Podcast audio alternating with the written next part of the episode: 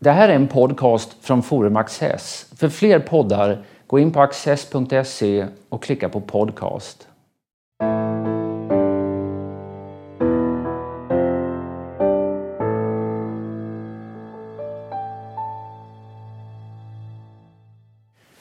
Välkomna till Studio Access. Dagens ämne är politisk filosofi. Och att vi har fastnat för det beror på nyutgåvan av en av eh, den politiska filosofins allra tyngsta klassiker. Ja, nästan i bokstavlig bemärkelse. Nämligen Friedrich Hayeks Frihetens grundvalar. Om, om denna och om Hayek och hans filosofi ska jag diskutera med Johan Hakelius som är författare och skribent. Skribent bland annat av förordet eh, ja. till den här eh, boken. Mycket trevligt att vara här. Vem är Friedrich August Hayek?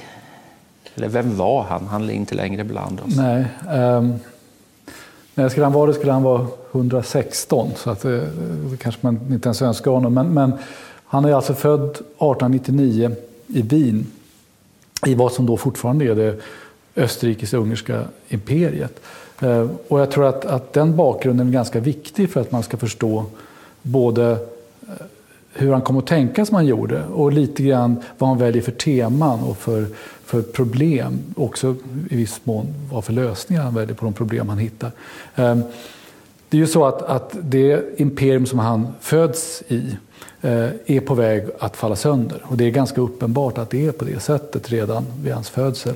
Ehm, och hans familj eh, flera led tillbaka har varit ganska intimt förknippade med det här imperiet. Inte i någon högre ställning utan liksom lite enklare tjänstemän och så. Men eh, en, en, del har varit lite företagare, de har mindre förmögenhet och sådär. Eh, men de är väldigt förknippade med, med, med det, här, det här samhället som han lever i. Men eh, när han växer upp då och det blir allt tydligare att imperiet är på väg att falla sönder så, så är det ju så att Wien blir en slags häxkittel för tidens alla nya idéer. Eh, det blir ett, ett drivhus kan man säga. Ja, det är förbluffande många av liksom 1900-talets ja. stora tankar som kommer därifrån. Ja, och inte bara det utan förbluffande många av, av 1900-talets stora personligheter, bra och dåliga, finns i Wien. Alltså under en period av Hayeks uppväxt så bor till exempel Stalin, Trotsky, Hitler, Tito och eh, eh, Freud på gångavstånd från varandra samtidigt. Eh, alltså det är en stad där, där allt det här händer. Det är en ganska stor stad. Det, det, de, det är, tror jag, den, kan det vara den fjärde största europeiska staden vid det här laget. För att imperiet har så att säga, dragit folk till sin huvudstad. Och i den här häxkitteln då av, av folk och, och idéer så, så växer ja, de, de två idéströmningar som kanske får störst grepp om, om Wien under, under Hayeks uppväxttid är väl, är väl marxismen och, och, och, och psykoanalysen. Men, men här finns då eh, alla nya konstriktningar. Va? Eh, Gustav Klimt, vi har eh, eh, Schönberg med den atonala musiken, vi har den nya arkitekturen med lås och vi, har allt sånt här som, som kan hända som kommer egentligen sätta sin prägel på 1900-tals-Europa. Finns och vad är det Hayek tar med sig från den här uppväxtåren? Alltså jag tror att han... Alltså dels, dels så är det ju helt enkelt så att han när han blir lite äldre och börjar läsa måste på något sätt ta ställning till alla de här idéerna. Alltså han, han skriver själv i, i, någonstans att han, att han ägnar en hel del tid åt att sätta sig in i både marxism och, och, och psykoanalys men blir väldigt besviken ju mer han läste om det för han känner att de är väldigt ovetenskapliga. Alltså de förutsätter att för att man ska kunna tro på dem måste man acceptera deras grundförutsättningar. De kan aldrig prövas på något sätt och det gillar inte han. Han är väldigt eh, empirisk i sitt sätt. Ja, man kan ju säga att hans egen filosofi så småningom blir ju nästan raka antitesen ja. till värderingarna hos de här eh, personerna du nämnde tidigare. Ja, ja. Och, eh, men sen har han ju då andra eh, som är någorlunda jämnåriga med honom där som kanske ligger närmare honom. Karl Popper finns där till exempel. Och så. Men, men det han tar med sig är ju då dels att konfronteras med hela den här ska vi säga, härket av idéer.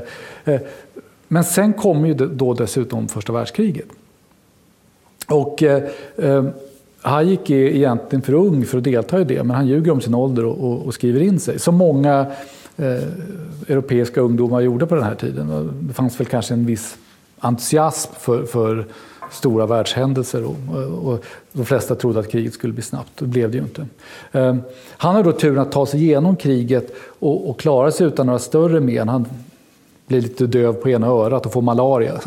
men men, men, men liksom, annat än det så är det inget, inget större, eh, lider han ingen större skada. Men det han upplever däremot är att han tjänstgör i en militärmakt, den österrike-ungerska, som har elva olika språk eh, bland de som, som finns där.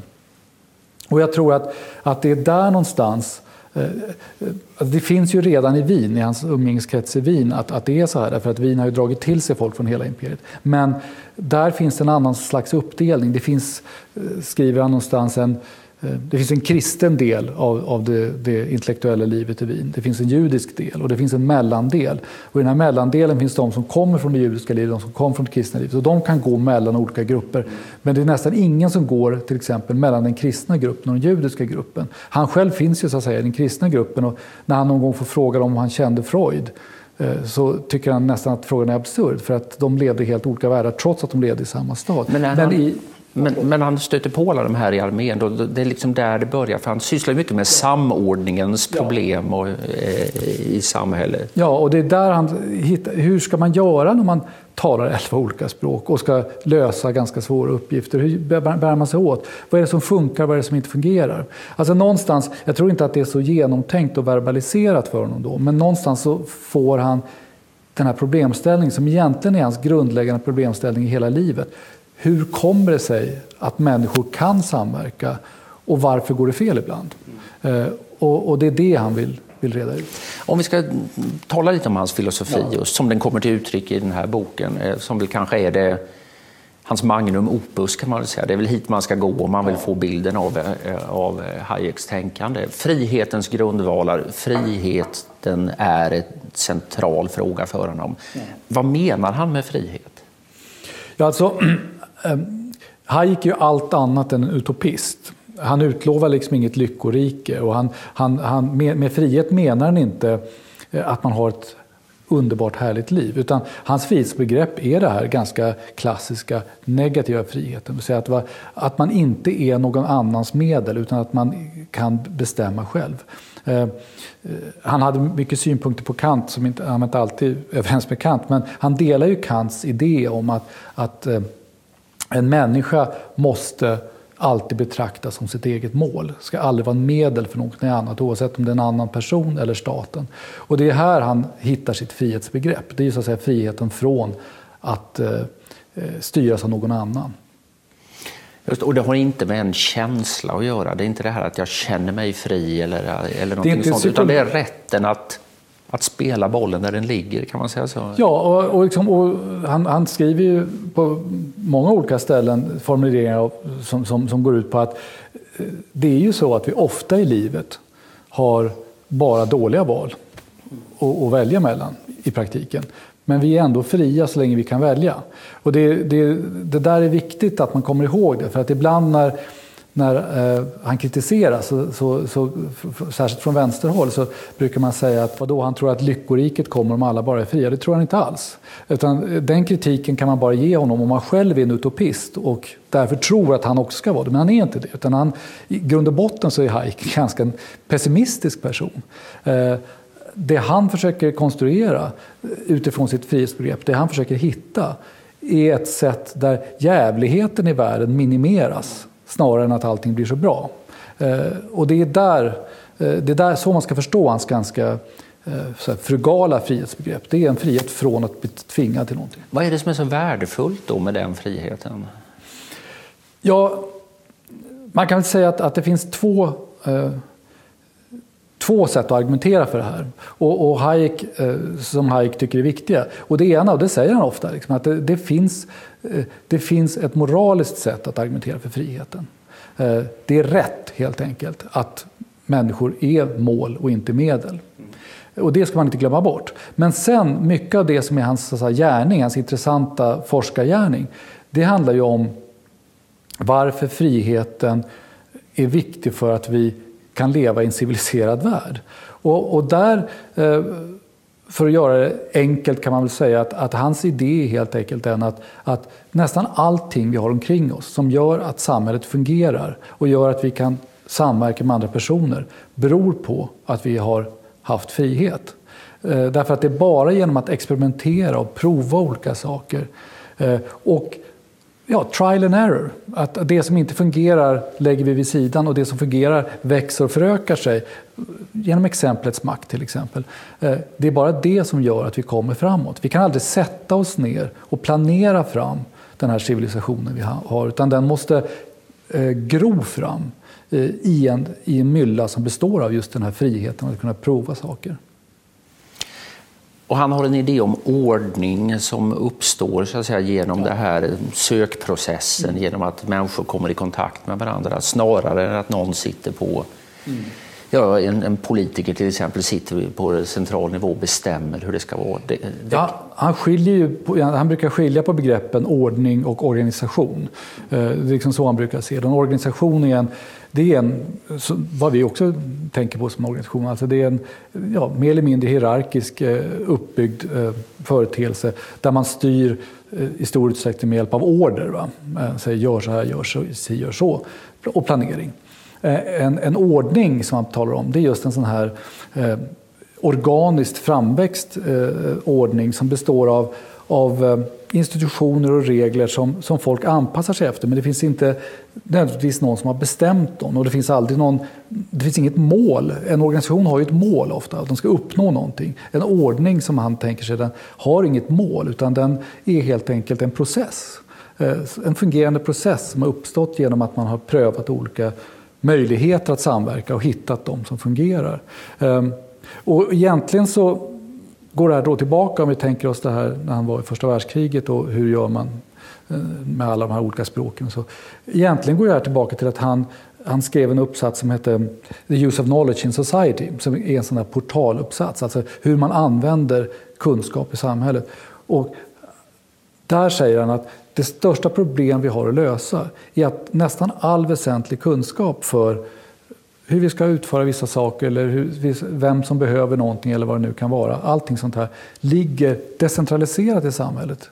Eh, ute bland människor. Det finns inte samlat någonstans i mitten. Och om vi försöker samla det så förstör vi mycket av den informationen. Därför att det blir för mycket att hantera men också därför att en del kunskaper går inte att centralisera utan att man förstör dem. Och det är därför han då eh, börjar eh, fundera på det här med en ordning. En, någonting som kan använda kunskapen till allas nytta utan att man behöver centralisera den, dra samman den till en punkt. Och det är här han ser den stora fördelen hos den här Och kunskap ska väl då inte förstås bara så att säga, som fakta, Nej. utan det är också om människors värderingar och vad de åstundar. En stor del av kunskapen är subjektiv, inte den meningen att den är vad folk tycker den är. Utan i den meningen att om folk tycker någonting så är det ett faktum som man måste ta, ta hänsyn till. Till exempel om man ska sälja någonting eller om man, man eh, eh ska bli vald till politiker eller vad det nu är handlar om. Va? En kritik emot det här sättet då att, att se, betona hur samhällen växer fram evolutionärt och genom en, en trial and error, att man försöker och misslyckas, är ju att det blir en sorts blind process. Mm. Här, den sker i, i mörker och okunskap och, och, det prövas och det måste vara väldigt ineffektivt och slösesamt. När istället förnuftets ljus skulle kunna belysa samhället om man ordnade allt till det bästa. Mm. Eh, och han tror inte på det, men det är inte därför att han är emot förnuftet. Nej, nej, nej inte alls. Tvärtom. Han, äh, han är ju en mycket han är väldigt, en klassisk upplysningsperson när det gäller förnuft. skulle jag säga. Alltså han, han tror väldigt mycket på förnuftet. Men om man liksom ska försöka placera honom eh, i, i, hans förhållande till hur han ser på förnuftet så kan man snarare placera honom i den här skotska upplysningstraditionen där det finns till exempel David Hume, eh, Adam Smith. Eh, än den här kontinentala franska. Eh, han ser att problemen i, i den här kontinentala upplysningstraditionen som stor utsträckning är fransk, då, men började redan tidigare med Descartes och så, är att den, eh, den litar allt för mycket på förnuftet som någon slags fristående entitet, någonting som finns vid sidan av allt annat. Som kan fatta beslut utan att, att eh, påverkas, utan egentligen vara en del av verkligheten. Och han menar, så där är det inte. Förnuftet är också någonting som finns i verkligheten. Och därför måste vi förstå förnuftets gränser. Ehm, eh, Ja, lite grann kan man säga att han gör en modernare version av det som också Kant då gjorde, alltså när han skrev eh, eh sina kritiker. Va? Eh, alltså kritik betyder ju en avgränsning och det är det som Hayek också försöker göra. Han försöker avgränsa sig. Var går förnuftets gränser? Därför att han menar att det mest oförnuftiga man kan göra det är att använda förnuftet på ett sätt eh, så att man inte förstår att man har gått över den gräns som förnuftet klarar av. Alltså man måste veta vad som är förnuftets eh, hemmaplan och vad, vad, vad det inte fungerar. Det finns en gräns. Eh, och det är, det han, det är därför han, han då menar att, att eh, eh alltså alla de här enskilda förnuften kan tillsammans bilda något mycket större om de samverkar i en ordning. Mm. Eh, snarare än att ett förnuft försöker skapa den här ordningen eller då en organisation som ska se likadan ut. Det kommer aldrig att gå. För att eh, det, det är ett ineffektivt utnyttjande helt enkelt av förnuftet. Utan han förordar ett samhälle där enskilda människor har eh, ja, frihet mm. att agera. Det, det, de används inte av någon annan för, hö, för förment högre ändamål. Eh, det betyder en liten stat, men inte ingen stat. Nej, nej. Hur ser han på statens roll i, och, och, och då tvångets, kan man ju säga, reglernas roll i de här fria processerna? Hayek är väldigt långt ifrån en anarkist. Eh, tvärtom så är han ju, eh, alltså i grunden så är, var han ju, han blev ju först känd egentligen som ekonom. Eh, men i grunden var han ju eh, samhällsvetare och jurist, ska man komma ihåg. Så att, alltså regler för honom är väldigt centralt. Eh, men han tänker sig ju då att, att eh, staten, eh, en fungerande stat, den ska ägna sig åt lagstiftning och att upprätthålla lagar. Och lagar definierar han på ett ganska precis sätt. Han menar då att lagar är opersonliga, de är allmängiltiga, de kan aldrig vara specifika, då är det inte lagar längre. Och han menar också att, att, att lagar i stor utsträckning inte skapas genom att man tar ett politiskt beslut om dem. Utan det är snarare så att de växer fram just i såna här spontana processer. Men till exempel, ta äganderätten som exempel. Det är ingen som har uppfunnit äganderätten. Men, men den växer fram som en institution i en viss typ av civilisation. Därför att den fungerar och den skapar välstånd. Och när staten sen ska förhålla sig till äganderätten, då stiftar man en lag som skyddar äganderätten. Staten har inte uppfunnit äganderätten, men den den gör en formell lagregel av en tradition egentligen. Va? Och så ser han ofta på lagar. Så att säga. De är opersonliga, de är inte kan man säga, påhittade. De är sällan påhittade så att säga, som någon slags eh, eh, uppfinning av en politiker. Han skiljer mellan då lagar och det som han då snarare skulle säga är regler eller ska vi säga order snarare. Mm. Det vill säga att man specifikt talar om att en viss person eller vissa grupper ska få vissa saker eller göra vissa saker eller vara skyldiga att, att, att utföra eller ge någonting. Eh, det menar han, det är, inte, det är inte rätt sätt för staten att agera. För då har man lämnat det här eh, generella, opersonliga eh, rättsstaten och gått in i ett ordersamhälle istället. Så vad staten eh inte får göra ja. är att vara godtycklig. Den får inte behandla olika grupper eller individer i samhället på olika sätt. Mm. Den får inte vara oförutsägbar och, och liksom, eh, eh, lynnig. Vad, vad får den göra?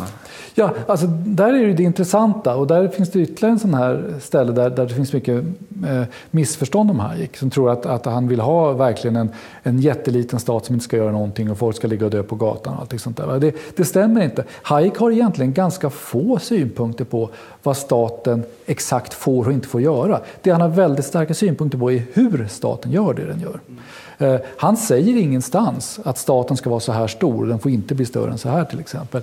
Eh, han har ingenting emot att staten eh, bedriver utbildning till exempel. Men om staten skaffar sig ett monopol på att göra det, då är han emot det. Så får man inte göra, för då ger man så att säga, en särskild fördel till en, vissa personer eller vissa delar av samhället. Han, eh, han är för en, en grundtrygghet i samhället. Eh, jag skulle kunna tänka mig att han skulle eh, kunna vara för en medborgarlön till och med, eh, i någon mening. Eh, där, så länge den just är generell och jämn. Så att säga. Han är emot progressiv skatt, mm. därför att då gör man skillnad eh, på folk och folk. Så att säga. Men han är inte emot skatt. Utan det tycker han är helt rimligt. Staten måste finansieras på något sätt. Det viktiga är att, att att man behandlar alla medborgare likadant, även i det avseendet. Så att han, hans eh, syn på staten är att staten är väldigt viktig.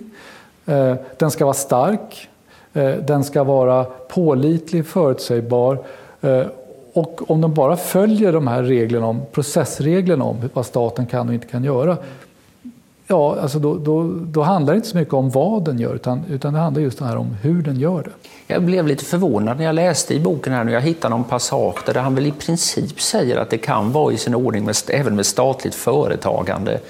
Ehm, men bara då under förutsättningen att det behandlas verkligen på samma villkor som allt annat företagande. Och så säger han att ja, det är väl inte så sannolikt. Så i praktiken kanske han skulle varit emot det, men han, han framför inte någon principiell Nej. Eh, invändning där. Nej, och det, det här han ibland då får rätt mycket kritik från, ska vi säga mera doktrinära eh, eh nyliberala eller vad man ska kalla dem för. Eh, därför att han är för, för wet helt enkelt, han är lite vek tycker de. Eh, men, men det här är just det som jag tycker gör Hayek så intressant. Eh, det handlar inte bara om hans idé utan det handlar om en personlighetstyp. Alltså Hayek är en väldigt resonerande person. Det är roligt att läsa honom på det sättet att det är som att föra ett samtal med någon. Han slår inte fast en massa saker och säger så här är det och så här är det inte. Utan han för ett resonemang, man kan följa honom rätt lätt. Och det är ganska lätt att, att, så att säga, diskutera med honom eh, i hans böcker. Eh, det är en väldig skillnad från, från till exempel eh, ja, Hayek nämns ofta i samma andetag som Ludwig von Mises som, som är den andra stora, sam, med Hayek samtida företrädaren för den Österrikiska ekonomiska skolan. Men von Mises är han är en riktig så att säga, dogmatiker och, och, och väldigt mycket mer ideologiskt stenhård än, än, än vad Hayek är. På det sättet tycker jag att Hayek är Förutom att han kanske är mer sympatisk så är han, han, han, mer intressant. Det finns mer att hämta där. För en möjlig Hayeksk invändning mot den som eh, vill ha såna här bestämda gränser, skulle inte det kunna vara att det är att använda fel eh, idé om hur förnuftet fungerar? Att man mm. en gång för alla kan slå fast just mm. den, en princip. Eh, oberoende av historiska omständigheter. Jo, det kan man säga. Eh, lite grann beror på vad det handlar om förstås, men, men det är klart att man kan föra ett, ett sådant resonemang. Jag tror att eh, i det som, i Hayek möts ju också någon slags eh, liberalism och konservatism. Och det där är ju sånt där ständigt samtalsämne. Är han liberal eller är han konservativ? Han skrev ju själv den här uppsatsen som finns i Frihetens grundvalar, eh, Why I'm not a conservative. Mm. Och den uppsatsen, skulle jag vilja hävda, förutom själva rubriken så gör den kanske inte saken särskilt mycket klarare för, för läsaren. Om, Nej, men han talar väl om att han inte tillhör en viss sorts väldigt reaktionär och stagnerad konservatism? Nej, och det, det, han, det, jag tror, alltså det är egentligen två saker som gör att han skriver den uppsatsen tror jag, på det sätt som han gör. Det ena är att han är i Amerika och han betraktar sig själv som en europeisk klassisk liberal. De finns nästan inte i Amerika, och speciellt inte på den tiden när han skriver det här. Så, så fanns de inte. Då var liberal i Amerika på gränsen till marxist. Eh, eh, det andra är ju det att den konservatism jag tror att han minns och har i sig, det är ju konservatismen från det österrike-ungerska imperiet. Som ju var en konservatism som egentligen det var en konservatism som hängde sig fast vid det gamla i naglarna va, och inte skulle ge efter och allt nytt var fel och, och eh, allting var ett hot. Och det är klart att han inte är sån. Eh, men han, till exempel i eh, Why I'm not a conservative, den här uppsatsen, så refererar han ju till Edmund Burke mycket gillande. Och det är väl liksom den konservativa tänkare som man alltid annars brukar ta upp som konservatismens fader. Han, han tycker ju Burke är en utomordentlig person eh, och hans idéer är Men på, sam, på samma sätt som det finns många olika liberalismer finns det ju många olika konservatismer ja. och han är ju han är tydligt emot vissa sorter ja. men, men andra ligger ju mycket närmare hans, hans tänkande. Och när vi pratar om de olika personlighetstyperna som var det som, vi, som gjorde att vi kom in på det här, då kan man ju säga att, att de, det här, den här öppenheten att diskutera, den finns ju i den här skärningspunkten mellan konservatism och, och, och liberalism inom, inom Hayek. Alltså, han eh, kan vara konservativ när det gäller samhällsinstitutioner i den meningen att han, han tycker inte om revolutioner. Va? Alltså man, ska inte göra om, man ska inte tro att man kan rita om hela samhället eh, hemifrån sitt skrivbord. Eh, men han kan vara väldigt liberal när det gäller just det individuella experimenterandet. Därför att det är ju där man får ny kunskap. Eh, så att om man vill prova olika saker, eh, bilda olika märkliga kollektiv som lever efter andra idéer. Han har inte emot det. Det ryms inom, så att säga, man kan ha en, en, en konservativ samhällsbygge som tillåter ett väldigt liberalt liv. Och det är väl någonstans där han är. Och på något sätt kan man väl säga att han där speglar den, den goda delen av den tid han, han växte upp i. Eh, alltså ett Europa som på många sätt var eh, konservativt i sin, eh, i sin struktur och sina institutioner men väldigt liberalt i, i sitt sociala och, intellektuella liv. Vad har han att ge oss idag? Om vi ska runda av lite med att ta det. Liksom, borde poli, svenska politiker läsa Hayek och, och lära av honom? Eller? Eh, jag vet inte, det är på att säga pärlor för svin. Men, men, men eh, eh, eh det är väl bra om de läser. Men, men eh, självklart, Hayek hör till eh, de här ganska fåtal tänkare som alltid är intressant, även om man inte är eh, special fördjupar sig speciellt i just honom eller just hans idéer. Alltså han har en sån generell idé om hur samhället fungerar och inte fungerar. Att jag tycker att, att om man inte förstår, om man inte har bekantat sig med hur han tycker och tror att ett samhälle fungerar, då har man en, en allvarlig lucka eh, för att kunna diskutera politik. Sen kan man hålla med eller inte hålla med, men man behöver känna till hans resonemang. Eh, så att där som, som, som samhällsvetare är en, är en väsentlig. Sen tror jag att, att det finns en hel del i hans ekonomiska teorier som inte är oväsentliga, inte minst nu när vi har eh, några mycket märkliga kreditförhållanden vi har ja, i samhället. Exakt. I en tid när man tror att liksom Finansdepartementet och Riksbanken ja. ska ordna hela ekonomin. Det är klart att det är Hayeks tankar om den spontana decentraliserade ordningen. Det är, det är ja. någonting helt annat. Om vad som kan hända när man stimulerar ekonomin för mycket. Så att säga. Det, finns en, det finns mycket av sånt man kan hämta hos honom.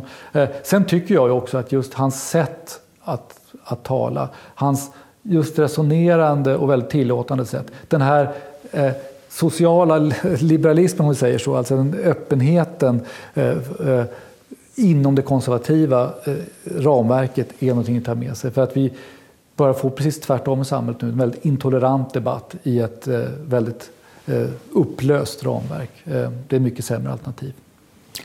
Ja, Hayek har varit skeptisk till att stimulera ekonomin men han hade ingenting emot att stimulera sina läsare och det är väl värt att lägga några timmar på denna gedigna bok. Stort tack Johan Akelius för att du har varit med oss. Tack för att ni har tittat.